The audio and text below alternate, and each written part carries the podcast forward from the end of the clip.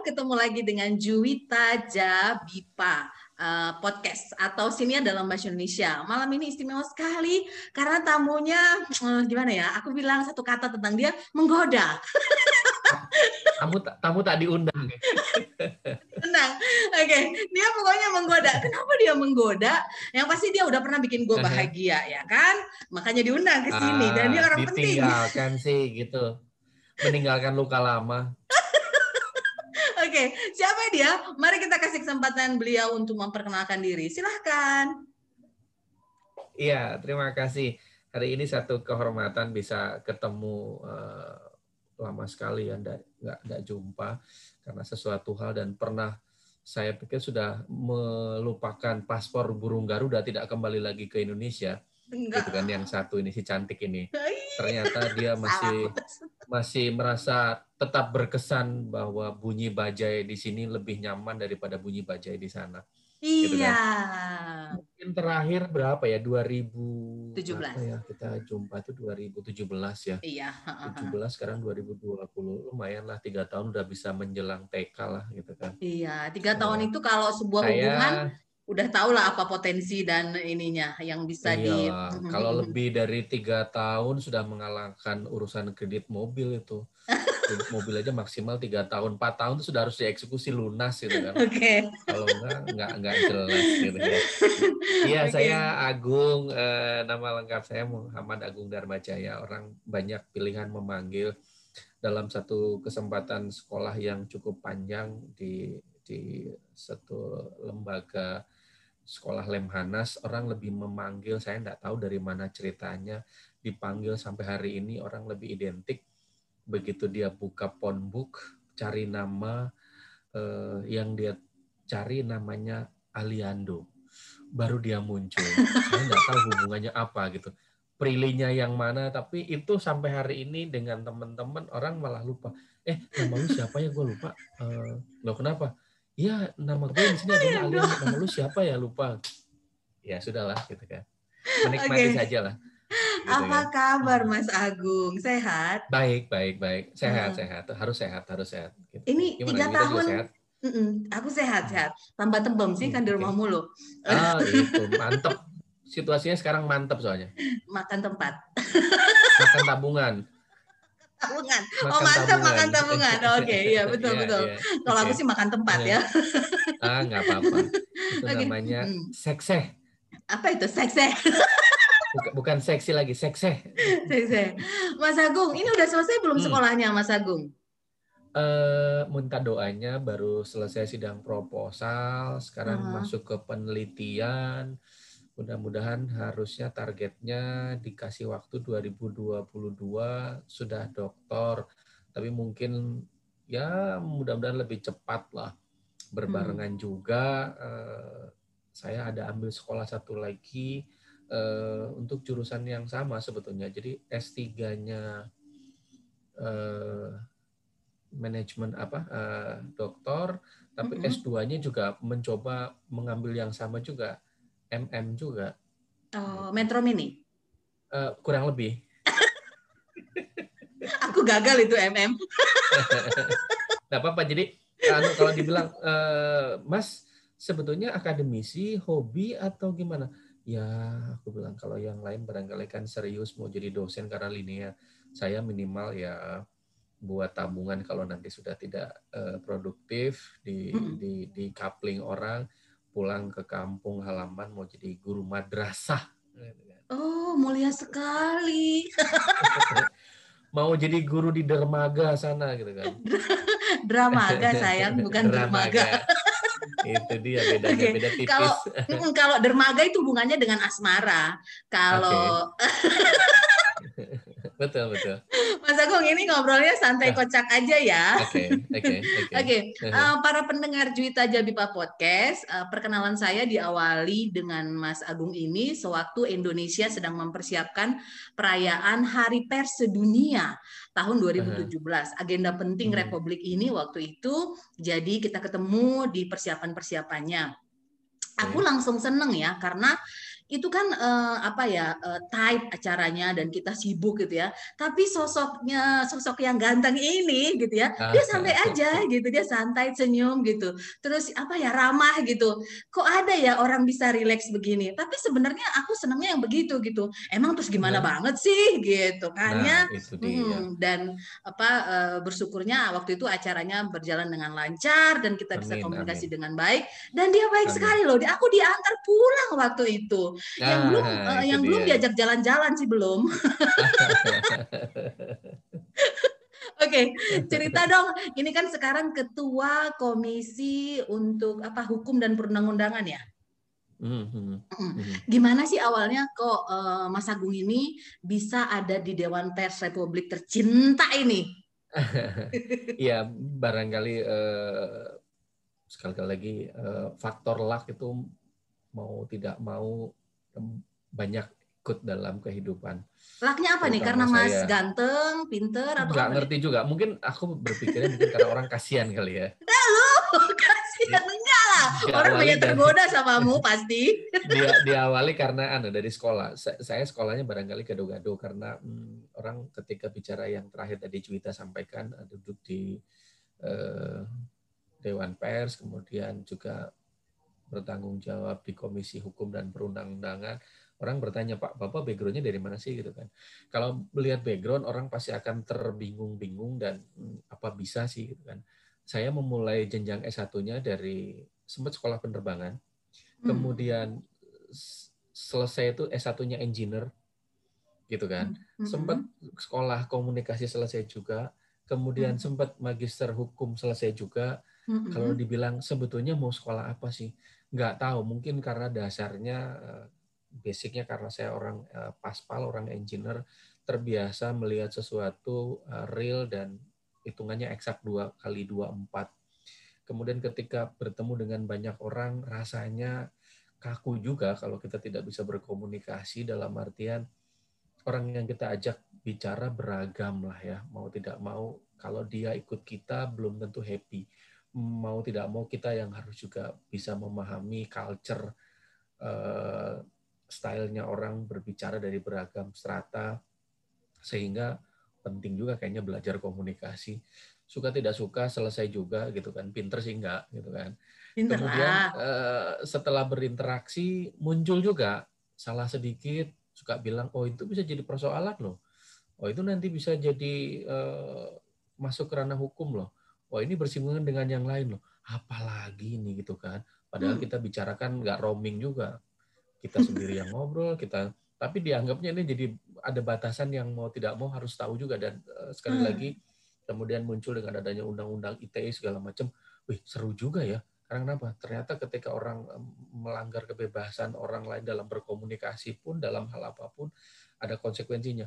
Maka coba pengen tahu lah uh, ke arah situ dan bersyukur juga ada kesempatan dan sekali lagi barangkali modalnya modal dikasihani kali ya sudahlah selesai juga uh, mm-hmm. kemudian uh, dengan pekerjaan yang uh, ikut serta jadi awalnya dalam kurun waktu setelah lulus sekolah itu basicnya ya karena engineer bekerja di satu company yang memang memindangi engineer tadi karena banyak di di levelnya di bawah itu uh, yang sudah sangat senior ya teman-teman di D3 para senior ada juga anak-anak STM yang mungkin ilmunya sebetulnya lebih mumpuni daripada kita yang anak-anak S1 karena kita tidak pernah di drive, kita tidak pernah diajari untuk bagaimana implementasi gitu kan.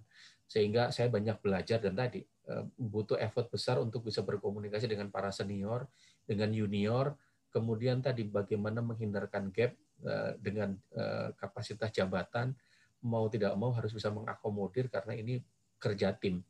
Nggak mm-hmm. bisa eh, dengan segala cerita bahwa saya siapa, mereka siapa, enggak bisa. Jadi itu barangkali melatar belakangnya sehingga belajar berkomunikasi dan sekolah, kemudian eh, sekolah hukum. Nah, jenjang pekerjaan beragam, beragam, beragam terus eh, pindah-pindah dari kehidupan eh, elektronik dan segala macam di di di company-nya sampai akhirnya di holding itu ada uh, berkeinginan untuk membuat broadcast kali ya.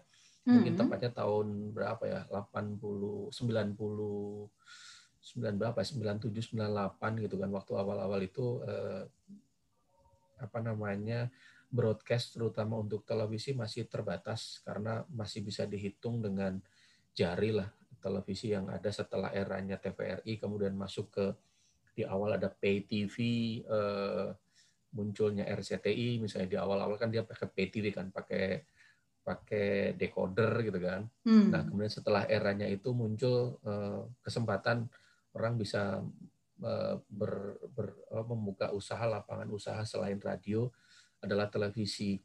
Maka di holding itu buatlah ada namanya mungkin kalau masih ingat TV 7. Hmm. Jadi ya TV 7 kalau ditanya dulu makanya suka dibecandain, Bapak kerja di mana? TV 7 ya. Saya melanjutkan, oh iya TV 7, kulkas 2 gitu kan. kompor 4 gitu kan. Istri istri. oh iya Pak. Nah, istri satu gitu di rumah. bener nih. Nah kemudian tadi karena karena posisi itu uh, sudah mulailah agak-agak lebih intens gitu kan. Walaupun sebetulnya uh, itu juga dasarnya karena tadi punya background tadi lebih banyak di di di di posisi saya uh, PR uh, government ya, relation government ya. Karena tadi dianggap punya punya background tadi mencoba memposisikan bagaimana berkomunikasi dengan para pihak, dengan government dan lain-lain.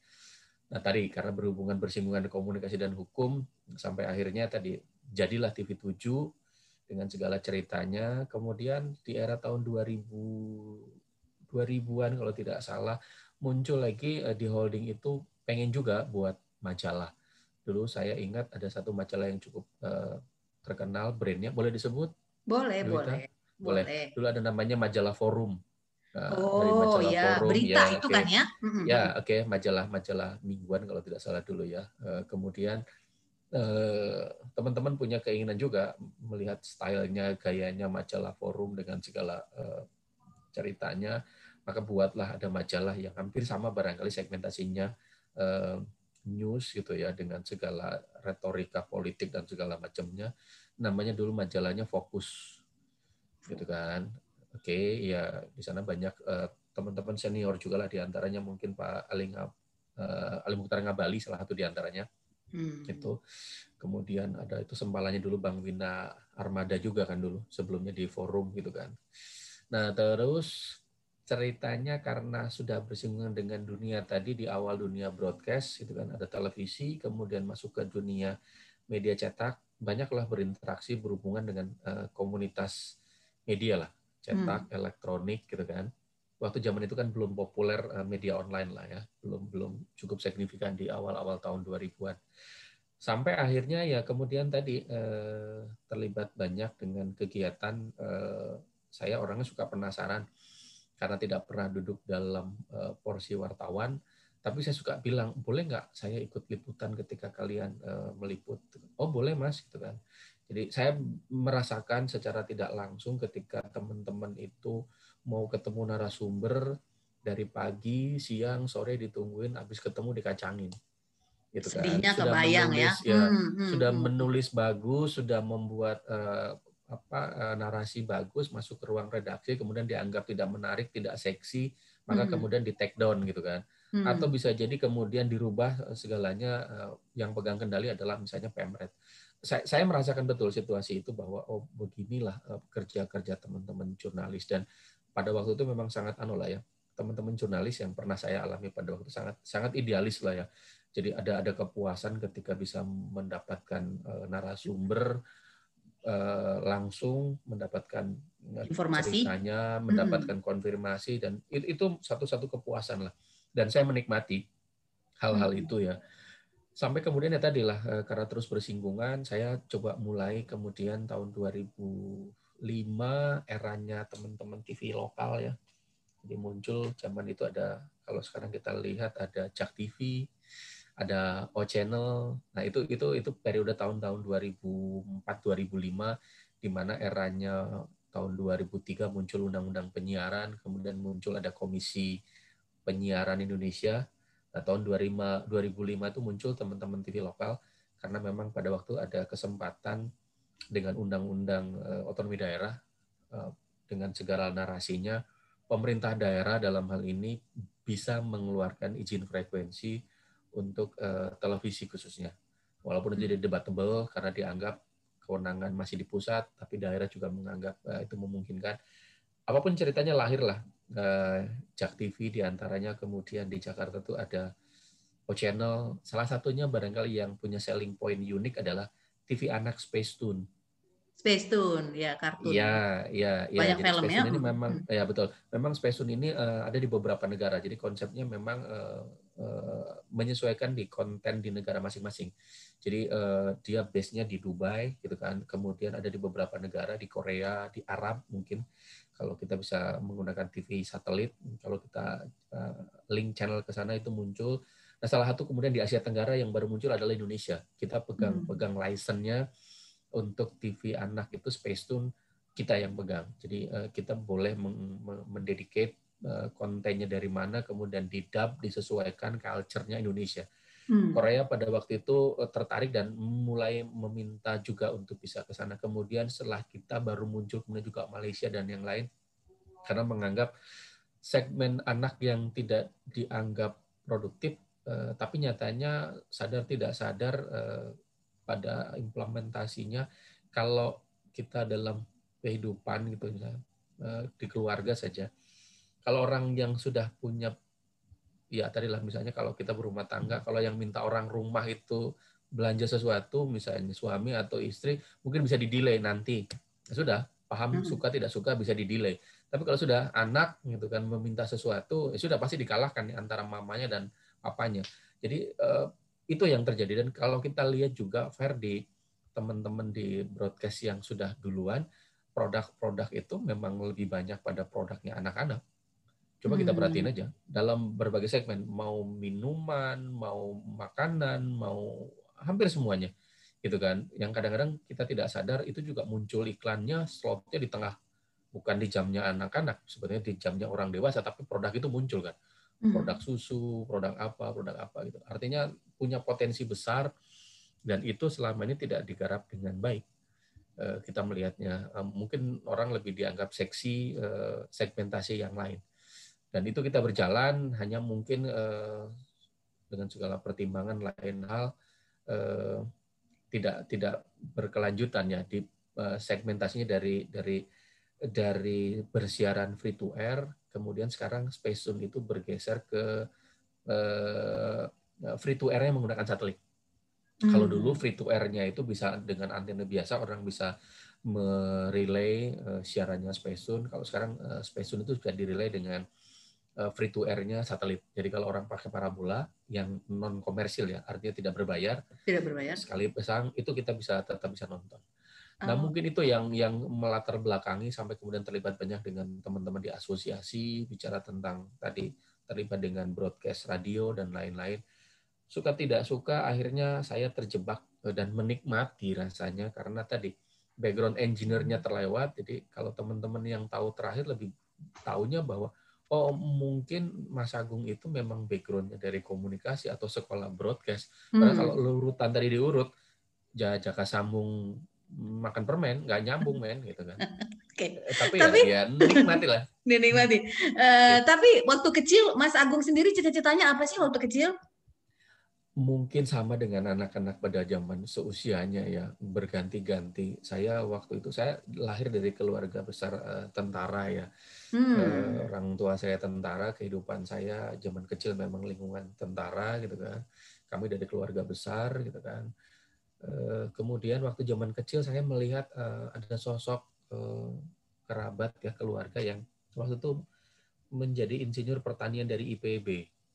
Hmm. Saya berpikir wah jadi insinyur pertanian kayaknya oke okay juga ya gitu kan menguasai seluruh lahan di republik ini mungkin, gitu ya mungkin mungkin waktu itu kan ter, terinabobokan bahwa uh, Indonesia ini kan negara agraris dengan segala ceritanya uh-huh. mungkin juga belum paham anak sekecil saya waktu itu tapi kepikir wah kayaknya enak juga ya jadi insinyur pertanian itu terbawa sampai kemudian masuk di SMP itu saya baru melihat sepertinya ada dunia lain gitu ya apa asmara Kayaknya belum. Kita unyu-unyu masih masih dulu masih unyu-unyu gitu kan. Oke. Okay. Ter, ter, terlambat saya. Uh, mengenal dunia itu iya. Nah, kemudian okay. SMP hmm. tuh saya melihat, oh kayaknya menarik juga ya uh, jadi pilot gitu kan. Oh. Nah, kenapa karena dikelilingi pramugari cantik-cantik gitu? Apa kenapa? Waktu itu saya berpikirnya bahwa bisa pergi ke mana-mana kayaknya gratis gitu kan. Oh, kalau aku sih mikirnya Bukan. kalau di airport itu kan kalau ada pra, hmm. apa uh, pilot hmm. lewat gitu kan pasti semua orang melirik hmm. gitu. Oh, gitu. Dan jarang pilot yang nggak cakep, pasti ganteng gitu ya kan? Masa sih? Karena iya kalau jelek kayaknya dijatuhin dia pas sudah di udara Waduh, ciloko. gitu. Ciloko. Ya, akhirnya karena karena tadi eh, dua dua dua dua anu lah, dua keinginan itu yang kemudian muncul eh, kayaknya enak ya jadi eh, pilot. Insinyur pertanian tapi enak juga jadi pilot dua dua dua cerita pilihan itu kemudian terus sampai terbawa sampai akhirnya di ujung sekolah SMA selesai itu kita di pilihannya mau ke mana ya? Mau ambil sekolah pertanian tapi rasanya dengan segala passionnya ya sudah mulai anu lah sudah mulai abegong ya. Kayaknya seksi banget Abege. ya kayaknya nggak nggak seksi banget ya gitu kan. Masa sih mau mau turun ke sawah turun ke mana gitu. Hmm, hmm, hmm. ekspektasinya barangkali begitu yang kebayang insinyur pertanian sekolah pilot oke okay juga ya gitu kan. Akhirnya ya dengan segala cerita ya sudahlah eh, mencoba mendaftar sekolah pilot.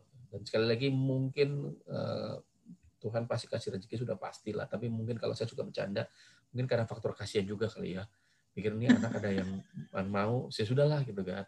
Ya sudah Tuhan kasih rezeki sudah pasti itunya, tapi tadi juga saya suka bilang faktor luck dan faktor dedikasi nih gitu mungkin ya. Kalau pinter kalau pinter sih enggak lah gitu kan ya sekolah lah di sana aku, gitu kan. Gitu kan. Kasihanilah aku, aku mau masuk pilot gitu ya. Kayak gitu waktu itu ngomongnya. Aku mau prakteknya di nanti nih. Iya gitu. Jadi uh, sekolah lah di sana. Uh, tapi barangkali Tuhan juga berkehendak lain gitu. Karena kenapa? Mama saya itu tahun 90 uh, itu uh, haji yang keberapa saya lupa gitu. Nah, yang terakhir itu beliau tahun 90 dalam artian terakhir itu uh, sebelum kejadian ya. Beliau naik uh, haji itu menggunakan ONA Plus. Jadi hmm. artinya kalau ada plus tuh gini, uh, haji waktu hajinya lebih pendek dan dianggap haji yang eksklusif karena tinggalnya di hotel gitu kan. Jadi tinggal dalam camp itu pada hal yang wajib saja. Tapi yang tidak wajibnya dia boleh punya opsional, boleh tinggal di hotel dan segala macam. Dan yang dikerjakan hanya yang wajibnya saja gitu kan. Jadi hmm. waktunya lebih pendek. Kalau yang haji reguler kan bisa 40 hari gitu karena memang dia ada kegiatan yang harus uh, sunahnya istilahnya yang tidak wajib dikerjakan boleh juga. Nah, uh, tahun 90 mungkin kita ingat ada peristiwa terowongan Mina itu. Iya. Ya, ada tragedi, waktu tragedi Mina ya dengan segala cerita. Nah, uh, saya enggak tahu juga dari putra-putrinya almarhum, eh, ibu saya sudah almarhumah juga, sudah meninggal, ayah saya sudah meninggal. Ya, mama saya meninggal ibu saya itu 2000 2017. Kemudian ayah Baru, saya kemarin. Jadi ya 2017, tiga tahun yang lalu. Tiga tahun yang lalu. Sebelum apa sesudah kita ketemu? Eh, setelah kalau tidak salah ya, oh. gitulah. Oh, okay. Jadi hmm. kemudian tadi eh, beliau pada waktu ibadah di sana tuh eh, yang dia lihat tidak pernah lihat muka suaminya, tidak melihat eh, kakak saya atau adik saya, yang kelihatan hanya muka saya gitu. Jadi sempat dia bilang, ada apa ya kok di sana eh, yang aku lihat kok muka kamu aja ya yang kepikiran gitu ada apa ya gitu kan ya saya pikir mungkin pertanda baik lah gitu kan zaman itu kan kita komunikasinya masih dari sana dari hotel telepon ke rumah pakai kolekol kolekol ya kalau, kalau ingat harus ya, ada gitu kan. konfirmasi kan. dulu mungkin, ya ya yang ngalamin, ya, kalau anak-anak sekarang mungkin nggak ngalamin nih jadi dulu kan gitu kalau boleh sedikit cerita kalau orang mau telepon Ih, ketahuan kita generasi tahun berapa ya? Iya, dikasih tahu. Aku juga katanya sih, aku kan anak abegong sekarang. Uh, Aliando, oke. Okay. Gitu kan. Iya, jadi uh, begitu begitu ada kejadian, malah almarhum ibu itu sudah posisinya di hotel, sudah dalam posisi istirahat setelah kegiatan yang dia kerjakan ibadah pagi gitu kan. Hmm. Begitu kemudian uh, ayah saya mendapatkan uh, berita dari sini karena ayah saya nggak ikut berangkat waktu itu, ada sesuatu kegiatan lain. Uh, dikabarin, uh, Pak, uh, Ibu sudah kegiatan pagi ya? Sudah, loh itu ada kejadian loh. Ya cukup kaget juga ayah saya, keluarga juga agak-agak worry juga karena melihat situasi yang waktu itu kan masih simpang siur. Ya, Akhirnya ya. ya dengan segala cerita eh, ayah saya bisa berkomunikasi karena tinggalnya kan sudah dikasih tahu di hotel mana gitu kan. Jadi komunikasi waktu di awal-awal agak kesulitan karena mungkin trafficnya di hotel juga semua punya punya Panik. punya mm-hmm. kepentingan koneksi yang sama para keluarga hmm. ataupun apa gitu. Sampai begitu dapat cerita bahwa ibu selamat dan ibu sudah eh, kegiatan pagi dan akhirnya ibu juga baru ngeh begitu lihat dalam situasi sekitar ya Hmm, bagaimana dia juga nggak tahu ya. suasana ya Oh. hiruk hiruk pikuknya suasana orang eh, ya ambulan berlalu lalang dan segala macam dan orang dalam posisi yang sangat panik di mana-mana gitu kan nah sudah akhirnya beliau pulang setelah ibadah eh, posisi saya masih sekolah di penerbangan kemudian ibu saya hmm, berpikir bahwa kayaknya ada sesuatu yang nggak beres mungkin dilihat yang kemarin tuh takut terjadi sesuatu gitu kan Heeh. sekali lagi eh, ini kan ya mohon maaf bukan mengecilkan ya feelingnya orang tua barangkali kita juga masih harus anu lah ya kita Iya, pikirkan. iya. akhirnya dengan segala cerita eh, minta kepada ayah saya untuk sudahlah eh, keluar saja dari sekolah itu ada kok aku nggak nyaman ya gitu ayah saya seorang tentara dan orang yang cukup sangat disiplin gitu kan kalau buat beliau sekali A ya A sekali B yang B Hmm. Cuman saya nggak tahu juga ayah saya kok rasanya eh, karena juga melihat tadi ya setelah lihat istrinya berangkat haji ada cerita yang begitu nggak tahu lah apa yang melatar belakangi dan saya sih mensyukuri saja lah itu jalan Tuhan. Kemudian saya diminta dengan segala cerita eh, harus harus anu lah mengorbankan impian saya dan di awal-awal saya cukup berontak karena sekali lagi mungkin itu salah satu mimpi saya mau sekolah di situ. Kedua, karena saya pikir dari keluarga tentara, saya hanya berpikir saya nggak mau sekolah membebani orang tua karena itu kan sekolah di biaya negara bersyukur gitu kan.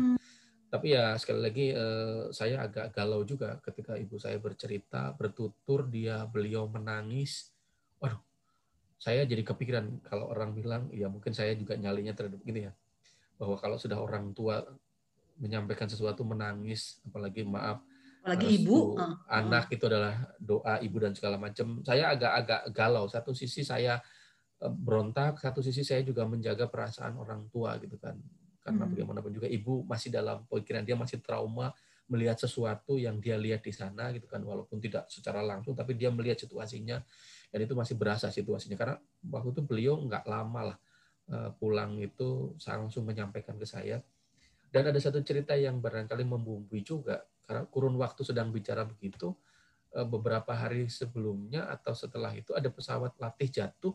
Instruktur dengan eh, siswanya meninggal jadi itu menambah anu lah menambah anu retorika terbumbui Iya, terkonfirmasi kalau ini iya, iya, udah iya, udah iya. gitu ya. Oh. Ya, jadi eh, ya sekali lagi lah eh, dengan segala ceritanya akhirnya ya ya Gusti Allah atau Tuhan berkehendak lain. Jadi sudah akhirnya ayah saya menyampaikan dengan segala ceritanya bahwa segala pilihan ada di saya. Cuman kamu mesti pikirin juga ibumu menaruh menaruh harapan besar dan eh, satu-satunya permintaan beliau adalah dia tidak mau challenge kalau ada sesuatu terkait dengan kamu gitu kan karena tadi beliau juga cerita karena ibu tuh cerita bahwa kok di sana yang kelihatan cuma muka kamu doang yang lain tuh anaknya banyak suaminya nggak kelihatan ada apa sih gitu kan posisi Mas saya bukan anak Mas Agung anak-anak paling bo- bontot kan ya? enggak? saya enggak saya eh, posisinya di tengah Oh, oke. Jadi di bawah saya masih ada tiga di atas ada beberapa orang. Jadi sebetulnya Oh. saya bukan anak bungsu yang yang anak mami istilahnya karena masih ada yang bungsu gitu kan. Hmm. tapi ya nggak tahu lah hubungan emosional antara saya dengan ibu saya mungkin eh, cukup. Karena tadi style saya dari kecil saya nggak mau pusing gitu ya. Saya lebih banyak happy aja. Cekak cekik yang penting urusan beres. Nah dari situ dari situ akhirnya hmm, ya sudahlah saya memutuskan mau ke mana sekolah itu. Nah ini agak agak titik balik barangkali menarik saya punya teman sekolah gitu ya beda sekolah sebetulnya tapi karena hubungannya berteman baik gitu sering-sering kegiatan bersama apa dia sekolah di Jakarta waktu itu mengambil jurusannya engineer Hmm. gitu kan saya enggak pernah kepikiran Apa bayangan itu saya engineer kalau- gitu ya? Iya, bayangan saya paling kerennya adalah insinyur sipil lah gitu kan. Eh, itu pilihan saya. Mungkin jadi setelah setelah saya saya saya coret tidak menjadi pilot sudahlah jadi insinyur sipil. Karena kalau tadi saya balik lagi ke insinyur pertanian, saya berpikir kayaknya mau tanah siapa yang aku garap ya? Tanah juga nggak punya gitu kan. Ya, ya Masa aku ke sawah sih kan aku ganteng gitu ya. Harusnya kan aku main juga, sinetron. gitu kan. Akhirnya dari cerita itu eh, dia ngajak sekolah, sudahlah katanya sekolah di tempat aku saja. Waktu itu saya berpikir insinyur apa eh, mesin apa urusannya ya? Aku kan nggak ada basic dan nggak nggak nggak nggak passion lah. Hmm. Sekolah eh, sipil teknik sipil pun sebetulnya nggak passion banget lah gitu kan. Hmm. Tapi ya sudahlah, eh, saya harus harus sekolah karena buat saya sekali lagi eh, itu barangkali modal kita Indonesia khususnya bahwa ijazah ternyata tetap ditanyain itu kan. Yo, kalau kita lihat di sana hmm. itu kan bukan bukan persoalan. Saya uh, mengimplementasikan ketika sudah bekerja rekrut orang pertanyaannya sederhana. Kamu bisa apa? Pak saya S1 dari saya nggak nanya, kamu bisa apa? Loh kok begitu? Oh bukan. Pekerjaan itu Allah bisa karena biasa. Jadi mau Betul. S1, S2, S3 tanpa mengecilkan lah ya. Iya. Bahwa saya pikir uh, itu yang harus kita terapkan karena sekali lagi zaman saya nggak tahu kalau zaman sekarang kan tidak pernah diajari jadi entrepreneur bagaimana hmm, aplikatif ketika selesai sekolah mau jadi apa. Begitu iya. selesai sekolah kita baru bingung tuh kirim lamaran iya. ke mana, ini ke mana, ini ke mana, ujung-ujungnya maaf gitu kan. Ada yang memang backgroundnya dia punya latar belakang kolega dan segala macam, maaf nih, kan suka bercanda. Dulu sekolahnya dia bodoh loh, kok bisa jadi bos loh. Itu contoh loh dia tuh. Dulu sekolahnya bodoh tuh katanya. Ah itu kan dulu rankingnya selalu masuk 10 besar. Nggak jadi apa-apa saya bilang itu nggak jadi pembenaran dalam artian mungkin satu di antara sekian. Yang benar iya. tuh ya sekolahnya pinter, otomatis biasanya akan mengikuti. Jadi satu iya. di antara itu menjadi menjadi anu, catatan. Nah tadi begitu begitu dia masuk ke sipil, uh, ke, ke engineer, gitu kan saya mikir, aduh gimana ya gitu. Cuman beruntung juga zaman tahun 90 tuh eranya si dulu anak sekolahan Ah, oh, tukang insinyur. Keren sekali kan. Oh, tukang insinyur itu kan. Uh, uh, mati, wah keren juga ya jadi tukang insinyur. Ah, sudahlah. Sekolah Ceweknya aja sampai dua gitu ya. Hmm, gitu kan. Tapi betul begitu masuk di awal-awal karena memang bukan passionnya ya. Aku kok bingung. Sekolah apaan sih tiap hari? Satu satu angkatan saya itu lakinya uh, dominan perempuannya kalau tidak salah cuma tiga. Dan tiga itu pun nggak ada yang mohon maaf gitu ya nggak ada yang benar dalam artian sama juga kayak kita laki. Jadi kalau kita kalau kita main sebetulnya kita jadi yang kayak Jenab kayak Sarah nggak ada ya nggak ada. Itu itu fakultas lain. Bener itu fakultas ekonomi manajemen gitu kan. Jadi rupanya eh, di jurusan mesin tuh nggak nggak ya terutama yang halus-halus mungkin nggak hmm. nggak nggak ini kali. Karena tadi kan sekolahnya sekolah pekerjaannya kasar kita hmm, pekerjaan hmm. kelas maskulin lah pokoknya gitu. ya. Hmm. ya ya kalau bicara hitung hitungannya enggak lah. Yang yang yang perempuan juga pasti pintar-pintar. Mungkin cuma tidak tertarik gitu kan. Jadi saya pikir waduh ini sekolah laki semua. Ada yang perempuan juga.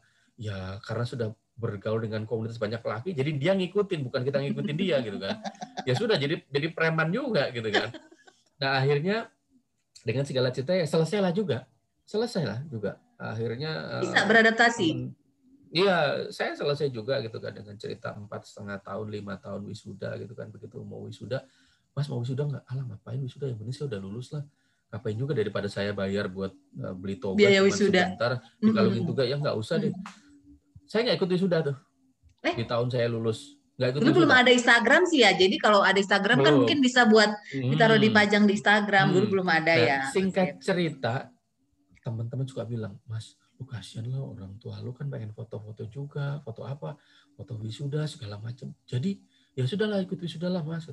saya masih ingat itu waktu zaman itu bayarnya 150 ribu deh. Akhirnya saya ikut wisuda pada generasi berikutnya yang Demi notabene foto bareng. Ya, ya, iya, Jadi saya sama ibu saya. Nah waktu itu saya belum ada uh, eh, WP, WPP, WPW. Apa itu? Wanita pendamping wisuda. Oh, oke. Okay. Nah, jadi di samping itu masih almarhum ibu saya gitu kan. Mm-hmm. Jadi wanita yang tercantik waktu itu ya belum ada belum ada WPW. Masih Jadi saya, gitu Mas kan. Agung kuliah pas setengah tahun nggak ada cewek yang nempel satu pun gitu? Uh, nggak mampir ke fakultas karena, ekonomi, nah, ke fakultas justru, sastra gitu nah, atau fakultas justru mungkin mungkin bener gitu ya. Kalau orang senang sendiri tuh lama kali ya.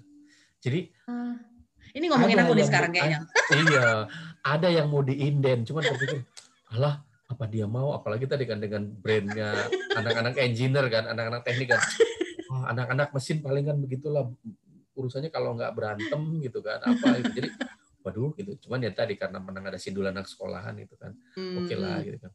Ya tadi lah selesailah akhirnya wisuda juga selesai menikmati. Ya itu barangkali yang mungkin menjadi uh, titik uh, balik ya dari hmm. saya kemudian berlanjut karena ada cerita ibu saya dan segala macam segala macam. Sampailah terdampar tadi dengan kehidupan yang hari ini hmm, salah satunya uh, diberikan kepercayaan sama teman-teman untuk duduk di dewan pers gitu kan di periode yang sekarang dan ya tadi begitu bicara keanggotaan di komisi ada beberapa komisi kan ada pendanaan ada pengaduan ada uh, pendidikan, ada hubungan antar lembaga. Saya nggak tahu juga. Mungkin sekali lagi mungkin dianggap mukanya muka dikasihani atau muka bermasalah maka ditaruhlah di komisi hukum dan perundang-undangan yang nyatanya memang betul urusannya ya urusan bermasalah gitu kan urusan bermasalah ya menarik sih menarik sih ya gitulah oke okay. gitu, uh, gitu. Eh, aku nggak akan tanya yang ribet-ribet ya karena aku tahu okay. pasti Mas Agung pasti udah menguasai lah bidang ini. Enggak, uh, enggak, enggak, kita aku lebih tertarik untuk menggali Mas Agung ini hmm. siapa sih sebenarnya gitu ya. Hmm, hmm, hmm. Jadi para pendengar juga tahu gitu loh. Uh, hmm. Ini uh, kita boleh nggak sih tahu tiga fakta unik tentang Mas Agung selain ganteng dan muka dikasihani hmm. ini. Hmm. Kalau ganteng memang saya turunan. Iya, iya. Itu harus catat. Kalau kalau kalau ganteng itu saya turunan. Hmm. Begitu ketemu tanjakan baru jelek lagi.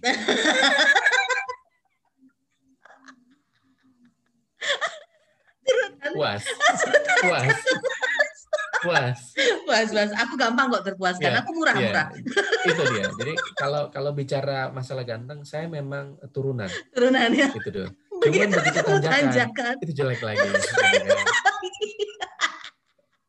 Itu catat itu. Okay. Catat. Jadi hmm. saya menghindari jangan pernah sampai ketemu tanjakan. Jadi ketemu tanjakan pasti ceritanya begitu.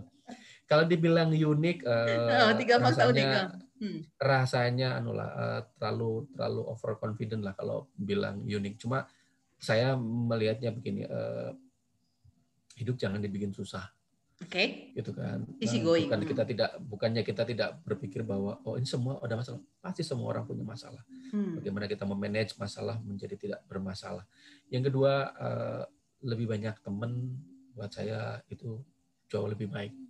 Jadi lebih banyak teman, banyak saudara. Saya nggak berani kalau dibilang banyak teman, banyak pacar, nggak sanggup juga gitu kan.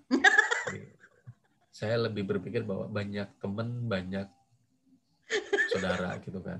Karena filosofinya Aku bahagia gini, ketemu kamu ya Mas. Karena filosofinya gini, eh, yang terakhir barangkali eh, saya senang eh, berkomunikasi dengan semua eh, kalangan lah ya. Karena terus terang dari berkomunikasi itu saya mendapatkan informasi.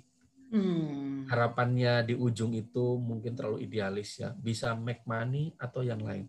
Hmm. Jadi kalau dengan berkomunikasi kita mendapatkan informasi, mungkin hari ini kita komunikasi dengan latar belakang yang diceritakan para pihak teman-teman kita nggak nggak nggak aware. Yeah. Tapi mungkin hari ini Juwita tentang misalnya dengan dengan uh, dermaga darmaga gitu kan bahwa di sana adalah lingkungannya lingkungan yang dingin kemudian lingkungan kampus segala macam. Suatu ketika mungkin kepikiran oh itu dulu kayaknya Juwita pernah cerita darmaga itu lingkungannya begitu. Maka wah ini bisa make money kenapa? Boleh juga ya kita bikin kos-kosan di sana. Atau kita atau kita ke itu barangkali ah itu jadi uh, saya berpikirnya gitu bahwa uh, karena hmm. senang berkomunikasi karena harapan saya dengan berkomunikasi kita bisa mendapatkan informasi hmm. tentunya produktif lah artinya uh, agak agak lucu juga kalau orang tiap marang begadang ngobrol nongkrong di warung Indomie gitu kan dengan segala ceritanya pulang nggak dapat cerita apa-apa hari-hari iya. dilakukan terus menerus jadi iya. pertanyaan sederhana bro lu tiap hari ngobrol ada informasi yang lu dapat nggak sih Iya. Maksudnya ya kalau ada itu jadi stimulus gitu kan. Ke depan begitu ada sesuatu, lu bisa jadi database, uh, data bank untuk apa? Make money. Mungkin tidak secara langsung, tapi mau tidak mau harus melihat sudah. potensi lah. Jadi mungkin tapi, uh, terlalu uh, idealis sih. Uh, tapi enggak itu menarik sih uh, dan aku percaya ide-ide uh, besar, kebijakan-kebijakan besar itu tidak dimulai di meja rapat atau di hmm. pertemuan-pertemuan akbar, hmm. tapi di obrolan-obrolan santai seperti ini gitu. Hmm. Tapi ini aku pengen aku penasaran nih sebenarnya. Mas Agung hmm. ini kan uh, aku yakin ya dari uh, waktu kita ketemu kemarin dan orang-orang yang aku lihat berinteraksi dengan Mas Agung hmm. itu semuanya senang. Uh, artinya hmm Mas Agung memang ini enggak sih uh, pasti kan sering ya dapat uh, apa namanya respon seperti aku ini bahagia gitu hmm. loh ketemu dirimu gitu. Hmm. Hmm. Ada nggak sih yang sebel sama dirimu? Ada lah. Langsung gitu. Lah. Menyenangkan hati orang itu kan menyenangkan orang itu kan ibadah itu dulu aja. Hmm. Nah karena butuh kita siapa tahu siapa mereka, maka saya bilang tadi kita kan butuh butuh komunikasi nih. Jadi saya nggak tahu stylenya Juwita itu maunya seperti apa sih. Bukan kita sebagai pemuas ya, tapi istilahnya karena tadi begitu nanti satu ngomongin ke barat satu ke timur, yang diajak ngomong juga sama tadi. Ah, gue males banget ketemu dia. Kenapa? ya nggak nggak nggak ada nggak ada untungnya juga nggak ada benefitnya gue ketemu sama lu saya mencoba eh, bahwa sekali lagi mungkin uh, belum tentu betul semuanya tapi sekali lagi pada pada prinsipnya kan semua orang senang berkomunikasi hanya kadang-kadang kan ada orang yang memang tipikalnya kalau kalau kalau bahan bakar solar tuh kalau belum panas dia belum bunyi lama tapi ya tapi ada yang modelnya gitu kan uh, diam-diam samuk Samuk teh naon? Diam-diam samuk tuh diam-diam tapi kepikiran gitu kan. Oh, Aduh, okay. harusnya kemarin tuh gitu. Ada yang begitu kan diam-diam samuk gitu kan istilahnya. Tapi ada juga yang model kayak tadi begitu. Uh, aku mau denger dia mau dia maunya bicara apa sih passionnya gitu kan.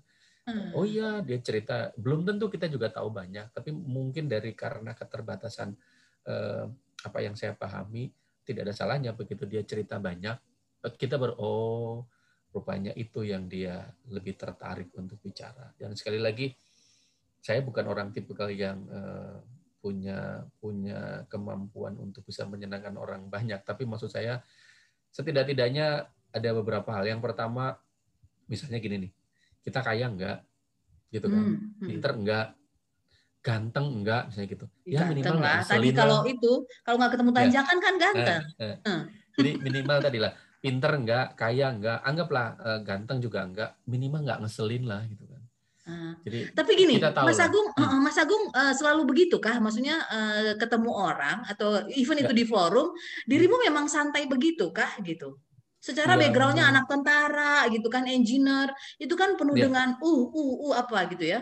Uh, dirimu ya, memang begini kah, Mas? memang santai Mungkin tadi lah, gitu. karena karena kita kita melihat juga uh, bicara dengan siapa gitu kan kalau kita ngikutin tadi saya bilang saya seorang engineer ketika saya bicaranya adalah yang saklek dua kali dua ya ketemu juga kalau mungkin lingkungannya bicara dengan teman-teman eksak ya pasti oke okay lah gitu kan tapi ketika ah. saya berbaur dengan lingkungan orang nggak mungkin juga orang ikut gayanya saya apalagi mohon maaf nih ketika bicara dengan usianya yang lebih muda.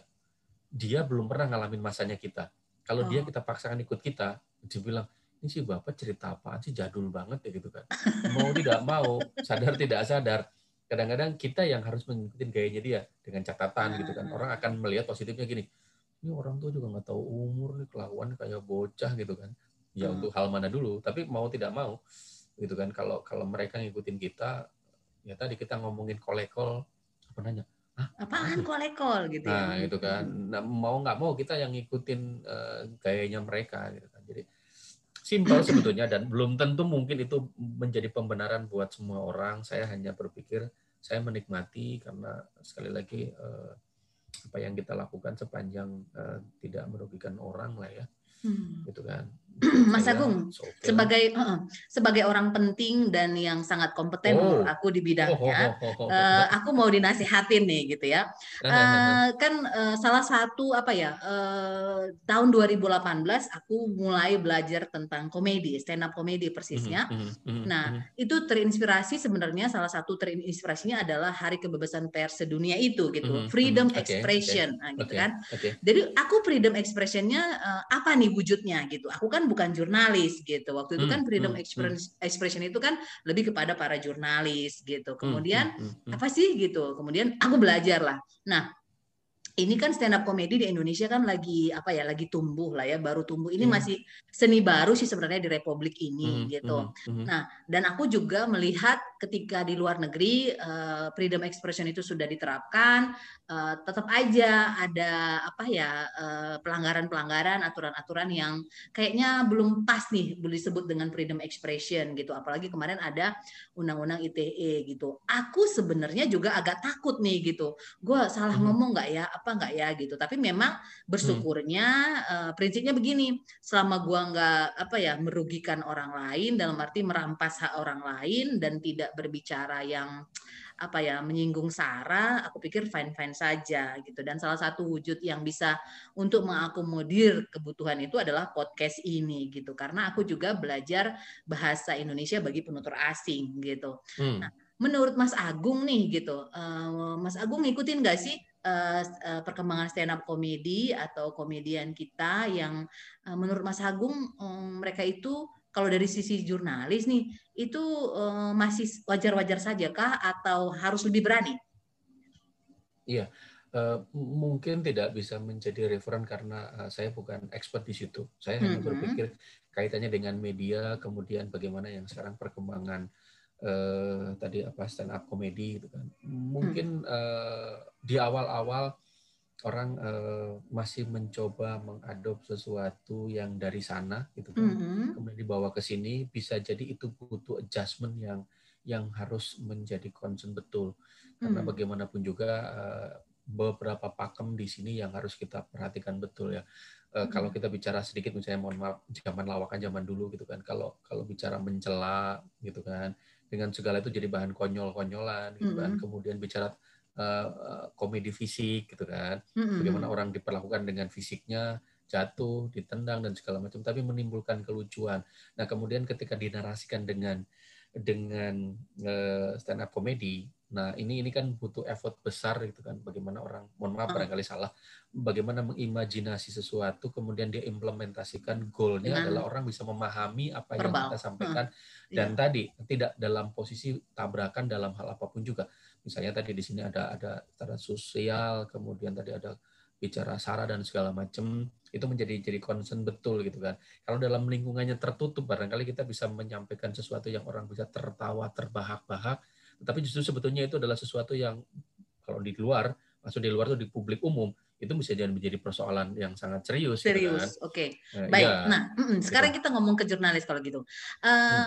Sejak lahirnya atau sejak kita merayakan Hari Kebebasan Pers sedunia itu, Freedom Expression di Indonesia itu, uh, jurnalis kita uh, ini enggak sih jadi lebih bahagia kah atau apa perubahan signifikan dengan kita di menjadi tuan rumah waktu itu? Bagi jurnalis menurut Iya, Mas Agung. barangkali ya saya terima kasih. Barangkali mungkin uh, tidak semua orang juga memahami akan hal itu. Artinya gini, hmm. isunya mungkin terlalu besar ya. Tetapi kalau kita mungkin yang lebih kecil saja dengan eranya muncul Undang-Undang Kebebasan Pers tahun 99 gitu kan. Orang hmm. begitu euforia, tumbuh berkembang, menjamur media di mana-mana gitu kan. Ya, Itu bagian juga barangkali mengekspresikan kebebasan gitu ya. Hmm. Setelah dianggap katanya sekian puluh tahun gitu kan dengan dengan pola Dibuka. yang bagaimana orang cukup santu sentralistik kemudian sekarang uh, terbuka kita mensyukuri bahwa produk uh, undang-undang pers itu lahir di zaman rezimnya eh, orang yang ketok palu di Senayan itu masih rezim yang lama dalam artian gitu kan. Tapi produknya suka tidak suka ini adalah yang sesuatu yang kita rasakan bagi kalangan pers terutama sangat-sangat eh, baik lah ya. Hmm. Persoalan kemudian kalau dibilang Pak rasanya eh, ada sesuatu yang masih ngegantung deh. Kalau kita suka challenge gini, emang kalau ada yang lebih baik, kamu yakin bisa kamu pertanggungjawabkan? Hmm. Kenapa? Loh bukan. Uh, kita mungkin harus juga melihat momen bahwa uh, mungkin saat ini ini fakta yang kita uh, rasakan. Tadi Juwita mungkin sedikit menyitir bahwa suka tidak suka ada ada apa sih yang dinikmati? Apakah sudah lebih baik pers gitu hmm. kan hmm. dengan segala narasinya? Padahal kalau iya. kita hari ini suka tumpang tindih juga, Pak yang membuat gaduh itu kan teman-teman pers ini mungkin agak sedikit serius gitu kan. Mm-hmm. Sebetulnya kan balik lagi, sepanjang itu adalah produknya pers, dalam artian pers adalah memang uh, perusahaan pers ya, di mana dia uh, untuk menjadi suatu perusahaan pers itu kan dia punya badan hukum, gitu kan. Dia punya penanggung jawabnya, dia punya office-nya, dia punya segala macam. Artinya posisi yang sehat lah ya. Maka mm tentunya produk jurnalistiknya juga bisa dipertanggungjawabkan. Yang sekarang hari ini dianggap membuat gaduh itu adalah saya mohon maaf dengan segala hormat adalah media sosial. Karena kenapa? Hmm. Ketika ditulis, ketika menyampaikan, saya nggak tahu siapa yang tulis. Mungkin noname-nya Juwita atau hmm. benar namanya Juwita. Tapi begitu kemudian menjadi persoalan, itu bisa di take down atau bukan take down. Yang bersangkutan sudah suspend. Hmm. Kepada siapa kita merefer? Kedua, ketika bicara jurnalis dengan media sosial, kalau jurnalis kan menulis tadi mesti cover both side.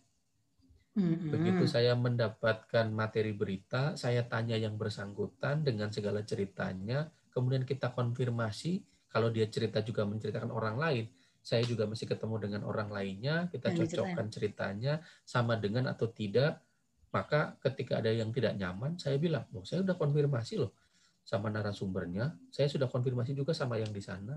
Artinya bisa di, dipertanggungjawabkan. Tetapi kemudian ada juga misalnya yang slip, misalnya gini, karena waktunya terburu-buru tidak sempat contoh misalnya gini terutama media online misalnya yang suka kadang-kadang jadi perdebatan. Pak, saya mendapatkan informasi, maaf nih misalnya Juwita diduga misalnya melakukan tindak pidana korupsi. Hmm. Saya coba menghubungi Juwita, telepon nggak diangkat, WA nggak diangkat, SMS nggak diangkat, segala macam nggak diangkat. Sementara saya harus mengejar kejar tayang nih. Media online kan hitungannya last minute nih gitu kan? Hmm, tidak tidak bisa dalam ya deadline-nya kan begitu last minute. Kalau media cetak kan hari ini menunggu sampai dengan tengah malam baru kita terbit besok gitu kan. Kemudian itu di di di, di publish. Sementara tadi kemudian yang yang bersangkutannya komplit loh. Siapa nih? Saya kan tidak begitu. Tapi narasi saya misalnya yang bersangkutan soalnya udah saya telepon loh. Mbak Juwita sudah saya WA jangan-jangan dia memang memang iya tuh. Jangan-jangan enggak kita lupa bahwa karena hmm. karena posisinya tadi boleh saja satu sisi mengejar tayang berita lebih cepat. Kalau memang belum, ya sampaikan saja bahwa itu belum terkonfirmasi. Sehingga pembaca clear bahwa cerita tuduhan bahwa Juwita itu adalah diduga pelaku korupsi ya hmm. tapi belum terkonfirmasi gitu kan nah sekali lagi ketika bicara media sosial kan nggak ada begitu kita tanya emang dari mana katanya pak Kata. rasanya sepertinya kalau ini kan tadi kata siapa Juwita tadi saya baca di Kompas sebutlah misalnya menyebut brand mohon maaf ya. Uh -huh. saya baca di media online komkom gitu kan. Uh -huh. gitu kan. Nah kalau ini kan tadi baca di mana? Saya dapat dari broadcast WA saya dari IG saya dapat dari Twitter saya dari mana gitu kan. Dan sekali lagi itu menjadi persoalan. Jadi mau tidak mau kalau dibilang Juwita apakah teman-teman menikmati? Rasanya sangat menikmati karena bagaimanapun juga kalau kita bandingkan ya terutama yang sempat mengalami masa peralihan sangat-sangat uh, luar biasa kebebasan itu dan sekali lagi kebebasan itu diatur dengan undang-undang. Nah, hmm. kadang-kadang kita suka terjebak dan suka saya mengingatkan bahwa ingat loh di atas undang-undang itu ada etika. Etika. Jadi sebenarnya uh, ini adalah dinamika dari kebebasan pers itu sendiri ya sebenarnya ya. ya hmm. Karena lagi. Uh -uh, waktu bulan April tahun lalu kan kita pilpres ya gitu. Nah pada okay. saat hmm. itu uh, aku posisinya lagi di luar negeri gitu kan, hmm. lagi hmm. menjadi duta di luar negeri. Uh, uh, luar biasa. Duta bahasa, duta bahasa Indonesia. Nah uh, setelah pilpres itu kan ada sempat agak tegang ya kondisi ya yeah. gitu. Beritanya hmm. juga agak gimana gitu. Nah karena di sana bergaulnya dengan orang asing gitu ya dan pemimpin negara kita presiden kita saat ini kan memang terkenal ya udah terkenal gitu oh dia unik ya memang ya gitu oh orangnya down to earth gitu ya iya hmm. gitu terus dia bilang terus gimana keluargamu baik-baik baik aja di Jakarta gitu aku langsung bilang begini well aku bilang Indonesia tahun 2017 sudah uh, menja menjadi tuan rumah kebebasan pers gitu okay. jadi nggak usah percaya semua yang kamu baca aku itu senjata andalanku sih untuk menjawab hmm, hmm, pertanyaan-pertanyaan hmm, apa ya hmm. kita harus diplomatis juga kan menjawabnya hmm. gitu. Hmm. Hmm. Dan kemudian waktu kita tahun 2017 itu Hari Kebebasan Persudin itu kan ada sesi yang uh, apa ya menggait gimana caranya kita tahu nggak sih itu berita hoax apa enggak gitu. Okay. Uh -uh, hmm. udah jadi udah udah bisa lebih selektif hmm. gitu. Kemudian yeah. sekarang uh, balik ke Indonesia tahun 2019 akhir atau 2020 mm-hmm. awal kemarin, aku sering dengar mm-hmm. di radio, oh ini ada udah banyak situs-situs yang memberikan untuk pengecekan ini berita hoax apa enggak kan okay. gitu ya. Mm-hmm. Hmm. Mm-hmm. Jadi memang uh, apa namanya wah ini masih wajar lah ya Mas Agung ya uh, hmm, apa kayak hmm. tadi Mas Agung bilang yang bikin kau itu sosial yeah. media gitu ya, yeah, uh, yeah. tapi uh, optimiskah dengan keadaan ini kalau kita memang eh, apa ya literasinya akan lebih baik? Karena aku concern dengan bahasa gitu. Jadi terus terang memang kalau dia eh, media-media yang ah ini kayaknya bahasanya aja nggak jelas gitu. Hmm, eh, itu hmm, nanti hmm. akan tersisi dengan sendirinya kah gitu atau gimana?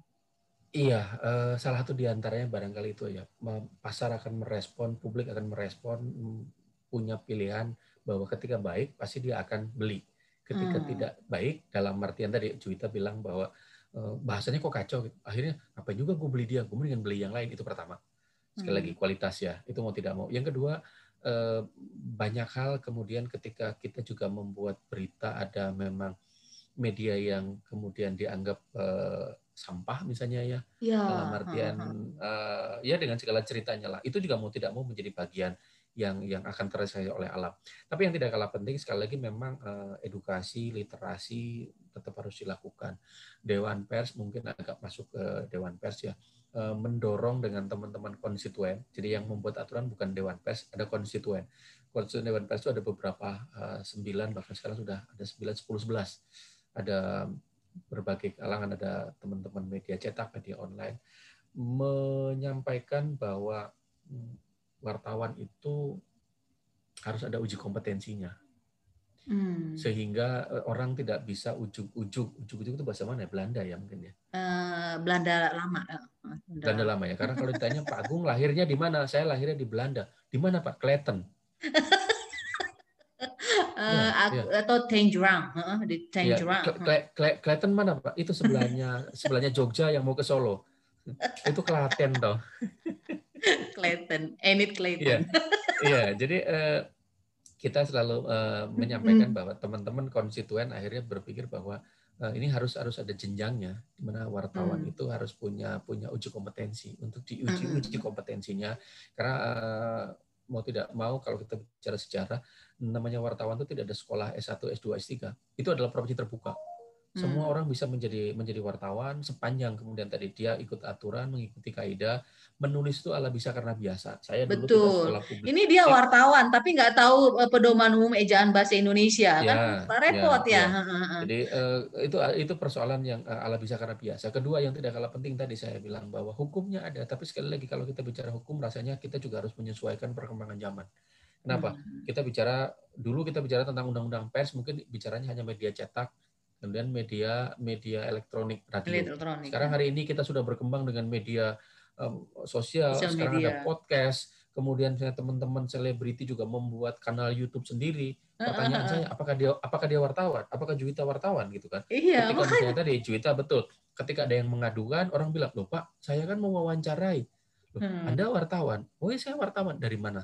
Apakah ini adalah dalam bentuk perusahaan ada berbadan hukum dan segala macam. Nah ini kan mau tidak mau kita juga harus harus mengikuti perkembangan zaman. Iya, apakah iya. apakah ke depan juga kemudian misalnya gini, Dewan Pers hanya menangani sengketa ketika ada aduan dari masyarakat menyangkut satu produk berita, entah berita di media elektronik, entah di media sosial media.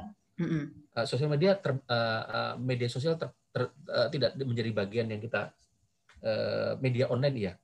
Media online iya, sosial media enggak? Ya, Enggak, oh. enggak. Nah, tapi sekali lagi hari ini uh, Juwita sedang bicara ini adalah dalam dunia media sosial kan, ada podcast gitu kan. Uh, Kemudian tadi ada orang sudah main di Twitter, orang sudah main di IG, orang sudah main YouTube gitu kan. Di mana tadi semua orang punya kanal YouTube gitu. Juwita jangan-jangan punya juga eh, YouTube gitu kan. Nggak, punya mau, dong. Tidak mau. Aku kan orang penting juga. Tidak, nah, itu dia catat gitu kan. di hatimu. Nah, itu mau tidak mau ketika ada yang keberatan kemudian mengadu, tentunya itu tidak bisa ditangani oleh undang-undang pers. Tetapi ah. sekali lagi ini ini ini adalah perkembangan yang realitanya ada di masyarakat. Mau tidak mau kita juga harus tidak boleh uh, ketinggalan cerita. Karena sebetulnya kan tadi bicara tadi Instagram, bicara Twitter, bicara segala macam itu kan sebetulnya hanya platform saja. Mm -hmm, betul. Iya kan? Jadi makanya kan banyak juga misalnya gini, media resmi sebutlah mohon maaf barangkali misalnya sebutlah misalnya uh, Kompas gitu kan. Mm-hmm. Kemudian uh, Kompas punya juga kanal misalnya di YouTube, punya mm-hmm. juga misalnya di media sosial gitu kan. Mm-hmm. Nah, masalah sepanjang akunnya didaftarkan. Mm. Bahwa akun itu adalah punyanya media tersebut. Oke. Okay. Yang kedua, yang tidak kalah penting adalah yang mendrive adminnya. Hmm, hmm. Apa tuh? Saya Gimana dengan tuh? Juwita misalnya gini, uh, saya misalnya di, tadilah perusahaan tadi lah, perusahaan media tadi lah, misalnya hmm, hmm perusahaan hmm. uh, www.com gitu kan, hmm. di mana uh, kemudian saya punya punya akun media sosialnya tadi misalnya di IG dan segala macam, hmm. yang diberikan kewenangan sebagai admin untuk mengelola media sosial tadi misalnya Juwita, hmm. ada surat penunjukannya dari perusahaan ke Juwita mm-hmm. media media online-nya tadi media, media ojek kajik misalnya. Uh. Iya, didaftarkan. Nah, ketika kemudian ada ada tulisan yang sama dengan media online-nya, media cetaknya, tapi kemudian juga muncul di media sosial diadukan, orang tidak bisa memperkarakan karena kenapa? Loh, Juwita itu memang adalah representatif dari media tersebut diberikan hak hmm. dan hmm. berita yang muncul di media sosial adalah berita yang sama dengan di media mainstream tadi. Iya ini kan sebetulnya bagaimana juga gitu kan mendorong gitu kan menjaring apa passionnya anak-anak muda kan mau tidak mau lebih nyaman rasanya membaca tadi itu kan di media sosial dan segala iya. macam. Ini mau tidak mau perkembangan zaman. Jadi rasanya kita juga tidak boleh kaku dan itu menjadi concern kita bersama ke depan karena perkembangannya tadi teman-teman selebriti Juwita punya punya YouTube kemudian mau wawancara orang gitu kan. Kemudian orangnya ada yang tidak nyaman diadukan. Kan jadi persoalan juga gitu kan. Padahal kata Juwita loh, saya kan cuma bertanya Iya. Kenapa jadi ada yang tersinggung? Uh -uh. Nah ini, ini menarik. Ini menarik. Jadi freedom expressionku ini gitu ya kan? Iya iya. Nah mau tidak mau itu harus segera segera dipikirkan untuk dipayungi. Kalau kalau kita bicara undang-undangnya kan memang letter luck ya bahwa hmm. itu hanya berlaku pada pada pada media yang memang punya badan hukum. Hmm. Media hmm. media cetak maupun media media mainstream maupun media online. Tapi karena perkembangan dan sekali lagi itu adalah platform yang mau tidak mau itu yang harus kita kita antisipasi karena memang perkembangan zaman. Kadang-kadang kan biasalah undang-undang terlambat daripada perkembangan Kasus. teknologi. Kita bikin kita bikin kasusnya dulu hmm. baru bikin aturannya. Nah, gitu sementara sementara yang ideal barangkali di, di, di, di belahan mana pun juga semakin sedikit aturan maka kita anggap negara itu sudah semakin maju. Iya. iya. Banyak aturan, pusing juga. Makanya ada baiknya juga mohon maaf. Belum lagi anggaran untuk ketika, membuat aturan nah, itu ya kan? Makanya makanya makanya betul juga gitu. Kalau sampai pada pada tahapan kemarin kemudian ada menyederhanakan merampingkan uh, beberapa eh, regulasi yang memang harusnya saya pikir lebih lebih harus ke situ. Karena sekali lagi kalau kalau kadang-kadang suka bercanda kan lebih konyol lagi peraturan dibuat untuk dilanggar nah itu kan jadi konyol kalau punya pemahaman seperti itu tapi mau tidak mau uh, sekali lagi ketika bicara pers saat ini, apa pun ceritanya, inilah buah dari kebebasan pers. Hmm. Tapi sekali lagi jangan kemudian kebebasan disalahartikan bisa melakukan segala upaya ada aturannya. Tapi hmm. sekali lagi aturan hukum yang ada itu jangan lupa ada yeah. yang lebih tinggi lagi adalah etika. Jadi saya pastikan ketika teman-teman dengan segala pilihannya menjadi wartawan, kemudian dia menulis entah memberitakan, maka sepanjang kode etik jurnalistiknya dipenuhi, maka rasanya tadi dari narasi bahasa yang Juwita sampaikan, isi kontennya, mm-hmm. gitu kan, kemudian uh, kualitasnya, maka rasanya itu bisa dipertanggungjawabkan. Mm. Nah, hanya sekali lagi barangkali karena ini adalah profesi terbuka, tidak dalam posisi jenjang karir dalam artian tadi, oh ini ada sekolahnya maka sana. Tidak, ada sekolah publisistik, ada sekolah sekolah komunikasi, tapi kan tidak dalam spesifik sekolah yang men, me, me, apa, men, apa, punya spesifikasi jurusan akan hal itu. Ya. Jadi sekali lagi ini adalah profesi terbuka, semua orang bisa menjadi. Hanya kemudian tadi untuk men-challenge kualitasnya, maka di, di, di, di wartawan, di, di media itu, di pers ada namanya uji kompetensi, di mana berjenjang ya, ada media, muda, utama. Hmm. Harapannya tadi muda, muda, uta, muda, media, utama.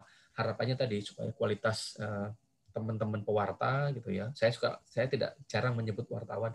Saya lebih senang menyebut jurnalis karena kalau Jurnal. wartawan jadi bicaranya gender ya.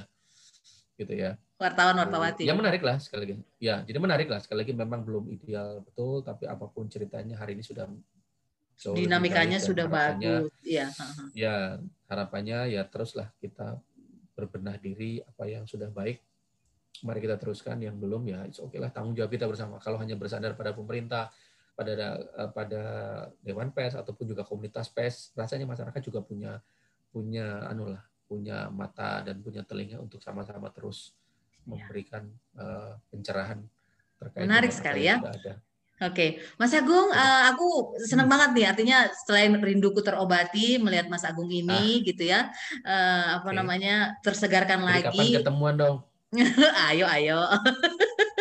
kemarin di botani oh ini ke mana nih orangnya gitu ya iya jadi dari kantor belum bisa nih keluar keluar gitu. Sebaiknya hmm, menghindari kerumunan dan cowok-cowok okay. ganteng gitu. Jadi ya. Ah, aku agak menghindar gitu ya.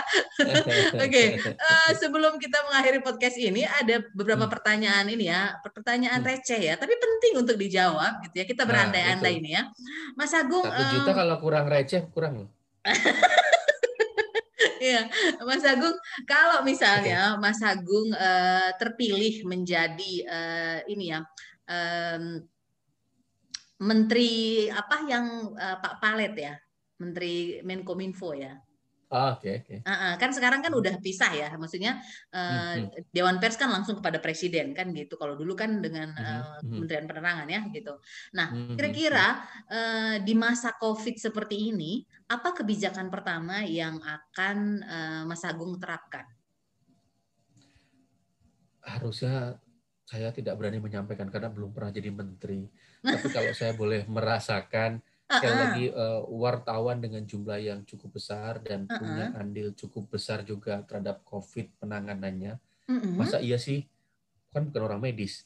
Bagaimana kita memberikan informasi kepada masyarakat tentang bagaimana si COVID, seperti apa si COVID, kemudian bagaimana penanggulangannya, bagaimana pencegahannya, itu juga menjadi bagian yang mau tidak mau sedang dan masih dilakukan oleh wartawan teman-teman jurnalis. Jadi kalau hmm. dibilang sepenting apa itu, kalau dibilang apa urusannya, yang penting kan adalah teman-teman medis. Sekali lagi semuanya penting.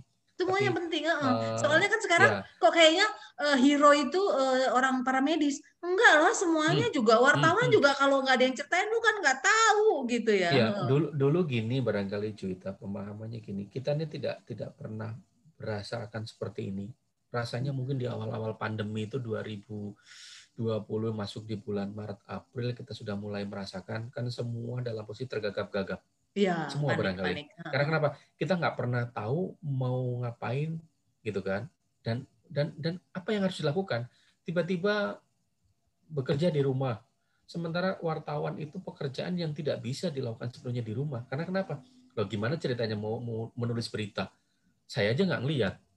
Katanya, rasanya, sepertinya, gosip dong Ya, ya, Sementara ketika melakukan pekerjaan lapangan, kita juga punya tadi kan masih bingung, aman nggak ya, aman nggak ya, uh, terus kemudian berkembang, oh pak ada protokol kesehatan harus begini, harus begitu, harus begini. Gitu. Kan sekali lagi wartawan kadang-kadang juga, ya mohon maaf jurnalis kadang-kadang maju anu apa punya punya nyawa punya nyawa cadangan kadang-kadang mereka lupa juga gitu bahwa sebetulnya ada harus juga dipikirkan dan beberapa company sudah memulai aturan seperti itu gitu kan. Uh-huh. Sekali lagi itu bagian juga penghargaan kepada teman-teman jurnalis yang melakukan uh-huh. kegiatan di lapangan gitu kan. Nah balik lagi tadi kalau bicara berandai-andai sekali lagi hmm. apa pun ceritanya Apa hmm. uh, mau tidak mau wartawan juga menjadi atau jurnalis menjadi bagian yang penting juga harus diberikan proteksi gitu ya mesti diberikan diberikan juga stimulus gitu kan mm-hmm. uh, karena bagaimanapun juga agak besar barangkali kerangganya adalah bagaimana sustainability medianya mm.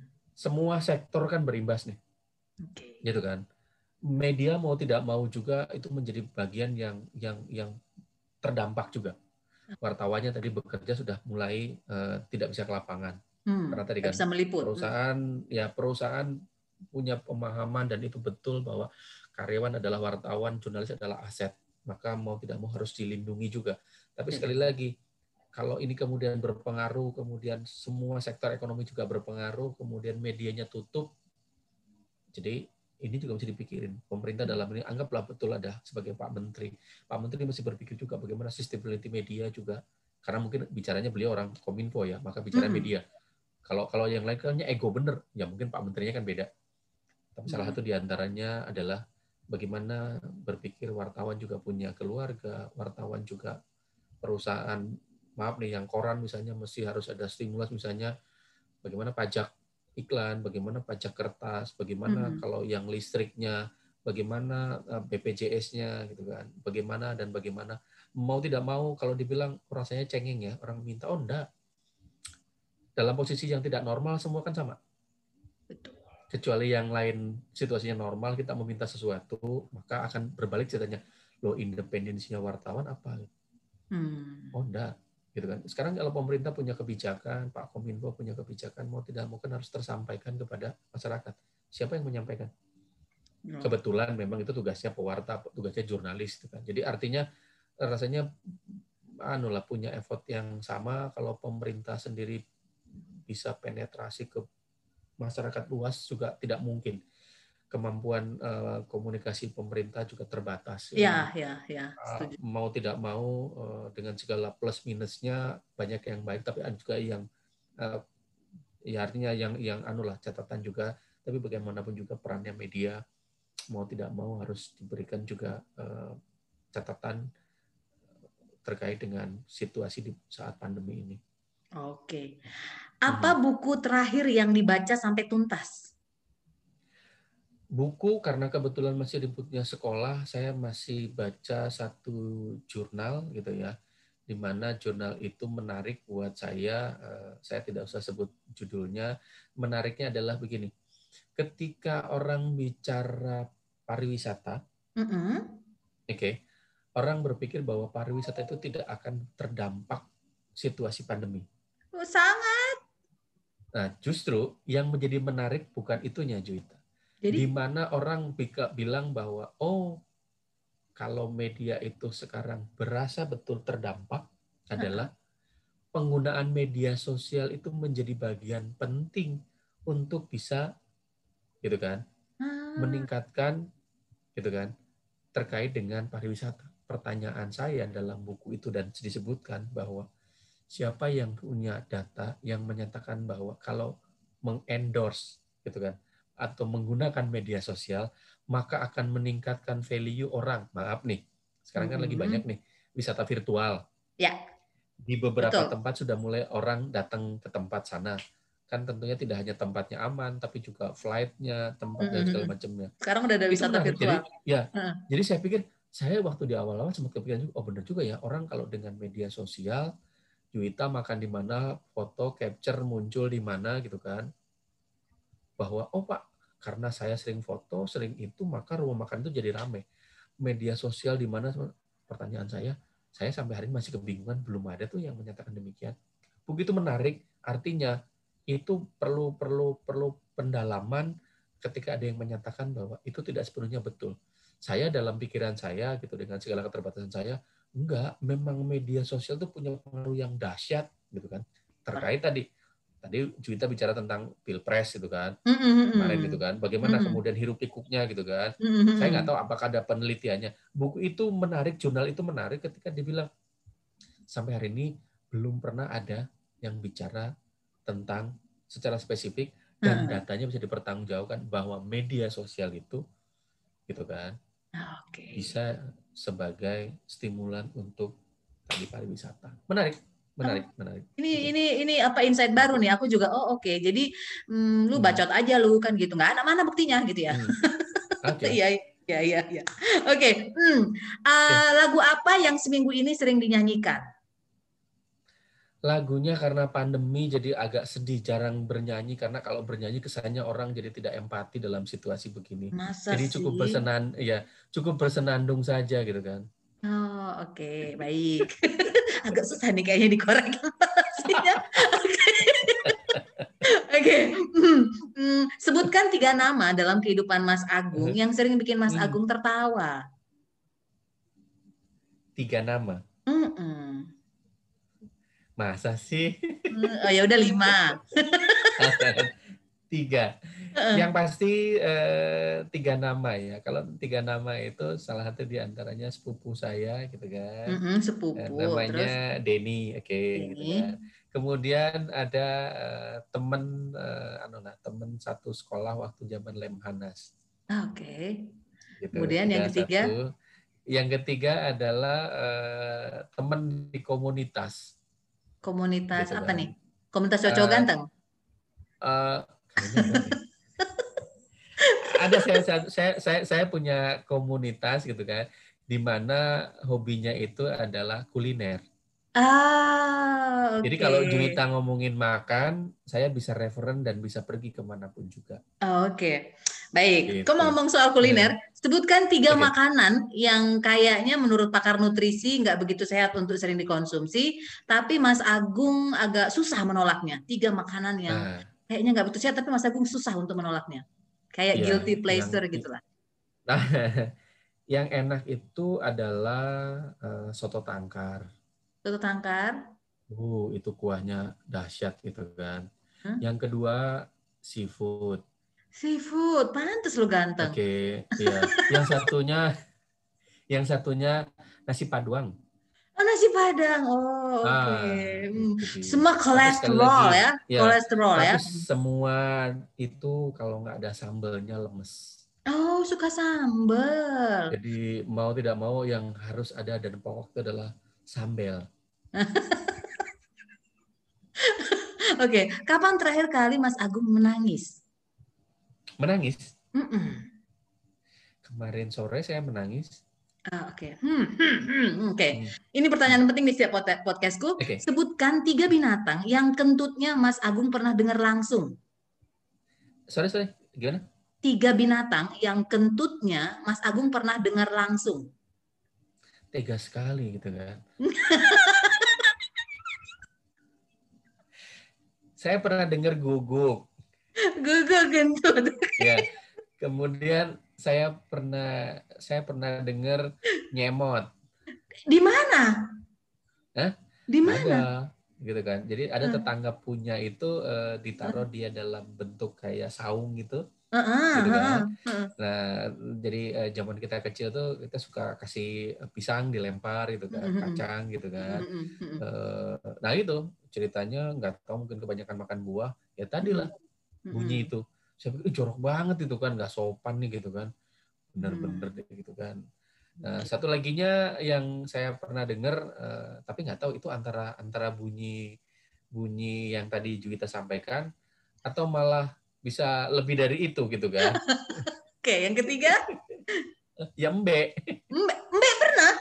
Iya, iya. Emang lu mainnya di mana sih Mas? Kok lu sampai bisa dengar kentutnya kambing? Ah. Kita kan kita kan dulu anak tentara tinggalnya di mana-mana. Mainnya di mana-mana gitu kan. Oke, baik. Mas Agung, ini pertanyaannya lebih Eh. konyol lagi nih. Kalau Mas oke. Agung tiba-tiba besok pagi, besok pagi ya Oke. bangun, eh, dirimu Hmm. berubah jadi perempuan, ya Mhm. kan? Kira-kira Hmm. seming tiga hari pertama apa yang Mas Agung akan lakukan? Uh, nggak kebayang. Pasti aku menangis sedih.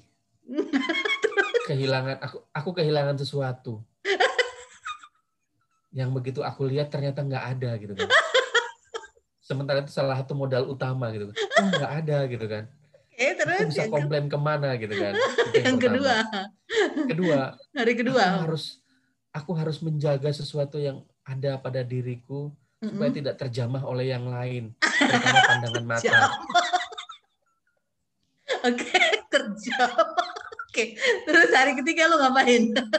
Yang ketiga, mulai beradaptasi dengan sesuatu yang tidak pernah datang. Kok ini datang katanya setiap bulan.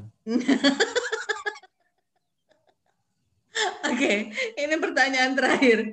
Kalau Mas Agung eh, dikasih kesempatan makan malam romantis dengan eh, Mhm. selebritis ya eh, Indonesia maupun yang dari Klaten, Oke. Indonesia ataupun yang dari luar negeri, baik itu tokoh penting juga boleh, perempuan. Kira-kira Mas Agung akan memilih makan malam romantis dengan siapa? Waduh. Sebetulnya berandai-andainya ketinggian ya. Tapi kalau memang boleh gitu ya. Kalau boleh gitu ya. Sekali lagi kalau boleh, kalau nggak boleh, Boleh, apa juga boleh. sih, gitu kan. Kalau boleh, kalau dengan yang artis luar negerinya walaupun belum pernah ketemu gitu ya. Heeh, heeh, pengen sama Sama siapa? Angelina Jolie kali ya. Oh, sama Angelina Jolie. Oh, Hmm, nanti hmm. kamu diajak tembak-tembak loh. Oh, itu dia. Oke, Mas Agung terima kasih banyak. Ya, para, Sama-sama, hmm, sama-sama. para pendengar Juwita Jabipa Podcast itu tadi obrolan santai kocak manis dengan Mas Agung dan Wijaya. Eh, saya selain rindunya terobati juga mendapatkan apa ya penyegaran kembali tentang apa itu kebebasan pers dan satu kata yang penting tadi saya dapat adalah etika gitu. Lu boleh bebas, tapi kan lu juga tahu etika itu seperti apa. Dan ini adalah apa ya kebebasan yang sekarang ada ini adalah juga eh, merupakan dinamika dan satu yang kita syukuri dari salah satu wujud dari Indonesia dipilih menjadi eh, negara yang menjadi apa tempat eh, perayaan kebebasan pers sedunia. Mas Agung sukses terus, eh, semoga sekolahnya cepat tuntas. Aku Amin, amin, berharap amin. kita bisa ada kerjasama lagi dan Mas Agung tetap Amin, sehat, amin, awet amin. muda Amin. dan apa Amin. ya aku kayaknya Amin. akan mencontoh eh, apa ya eh, mencontoh statementmu kok bisa ini sih Jui kok bisa ini iya mungkin orang kasihan ngeliat aku gitu kayaknya aku akan meniru itu karena it works ya kan Republik ini gitu kan mempercayakan Hmm. dirimu untuk menjadi ketua Hmm. Komisi Hukum dan Perundang-undangan Dewan Pers gitu ya kenapa ya karena rakyatnya kasihan ya ya kan? Sebenarnya ya karena memang dia qualified gitu ya. Amin. amin Terima kasih amin. banyak Mas Agung, sehat-sehat, sukses terus. Mudah-mudahan kita bisa Thank you, ketemu tahun Juwita. depan ya. Amin, amin. Thank you Oke. sekali lagi. Terima kasih. Sehat berkah selalu dalam situasi yang masih belum jelas uh, pandemi. Ya, yang penting barangkali sehat dulu. Tadi saya bercanda di depan, mungkin situasinya mantep, makan Hmm. tabungan. Makan tabungan. Jadi ya mau tidak mau itu kedua eh, orang bilang tambah makmur ya Pak, karena tambah gemuk. Ya mungkin barangkali itu menjadi obat karena happy sudah pasti. Iya, kalau iya. happy perutnya nggak ada kan nggak bisa ketawa. Ya Iya. kalau ketawa perutnya kosong bukan ketawa sebetulnya nyengirnya nyengir berasa lapar gitu. Iya.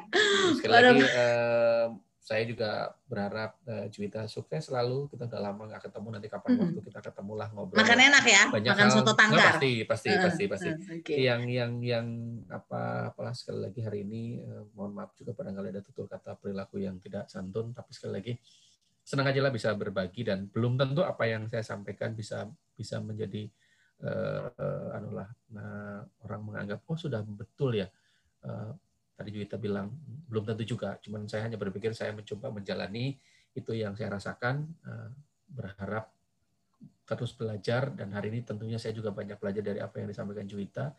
Eh, senang aja bisa ketemu. Thank you Iya, banyak. Sukses iya. selalu. Salam Iya. sehat untuk semuanya Iya, para pendengar BIPA, terima kasih banyak. Semoga para pendengar bisa mendapatkan sesuatu, baik itu informasi, hiburan, atau apa pun itu yang bisa memberikan manfaat untuk kita semua. Ketemu lagi di Juwita Jabipa Podcast episode berikutnya. Salam sehat, terima kasih banyak. Dah. thank you bye bye thank you bye bye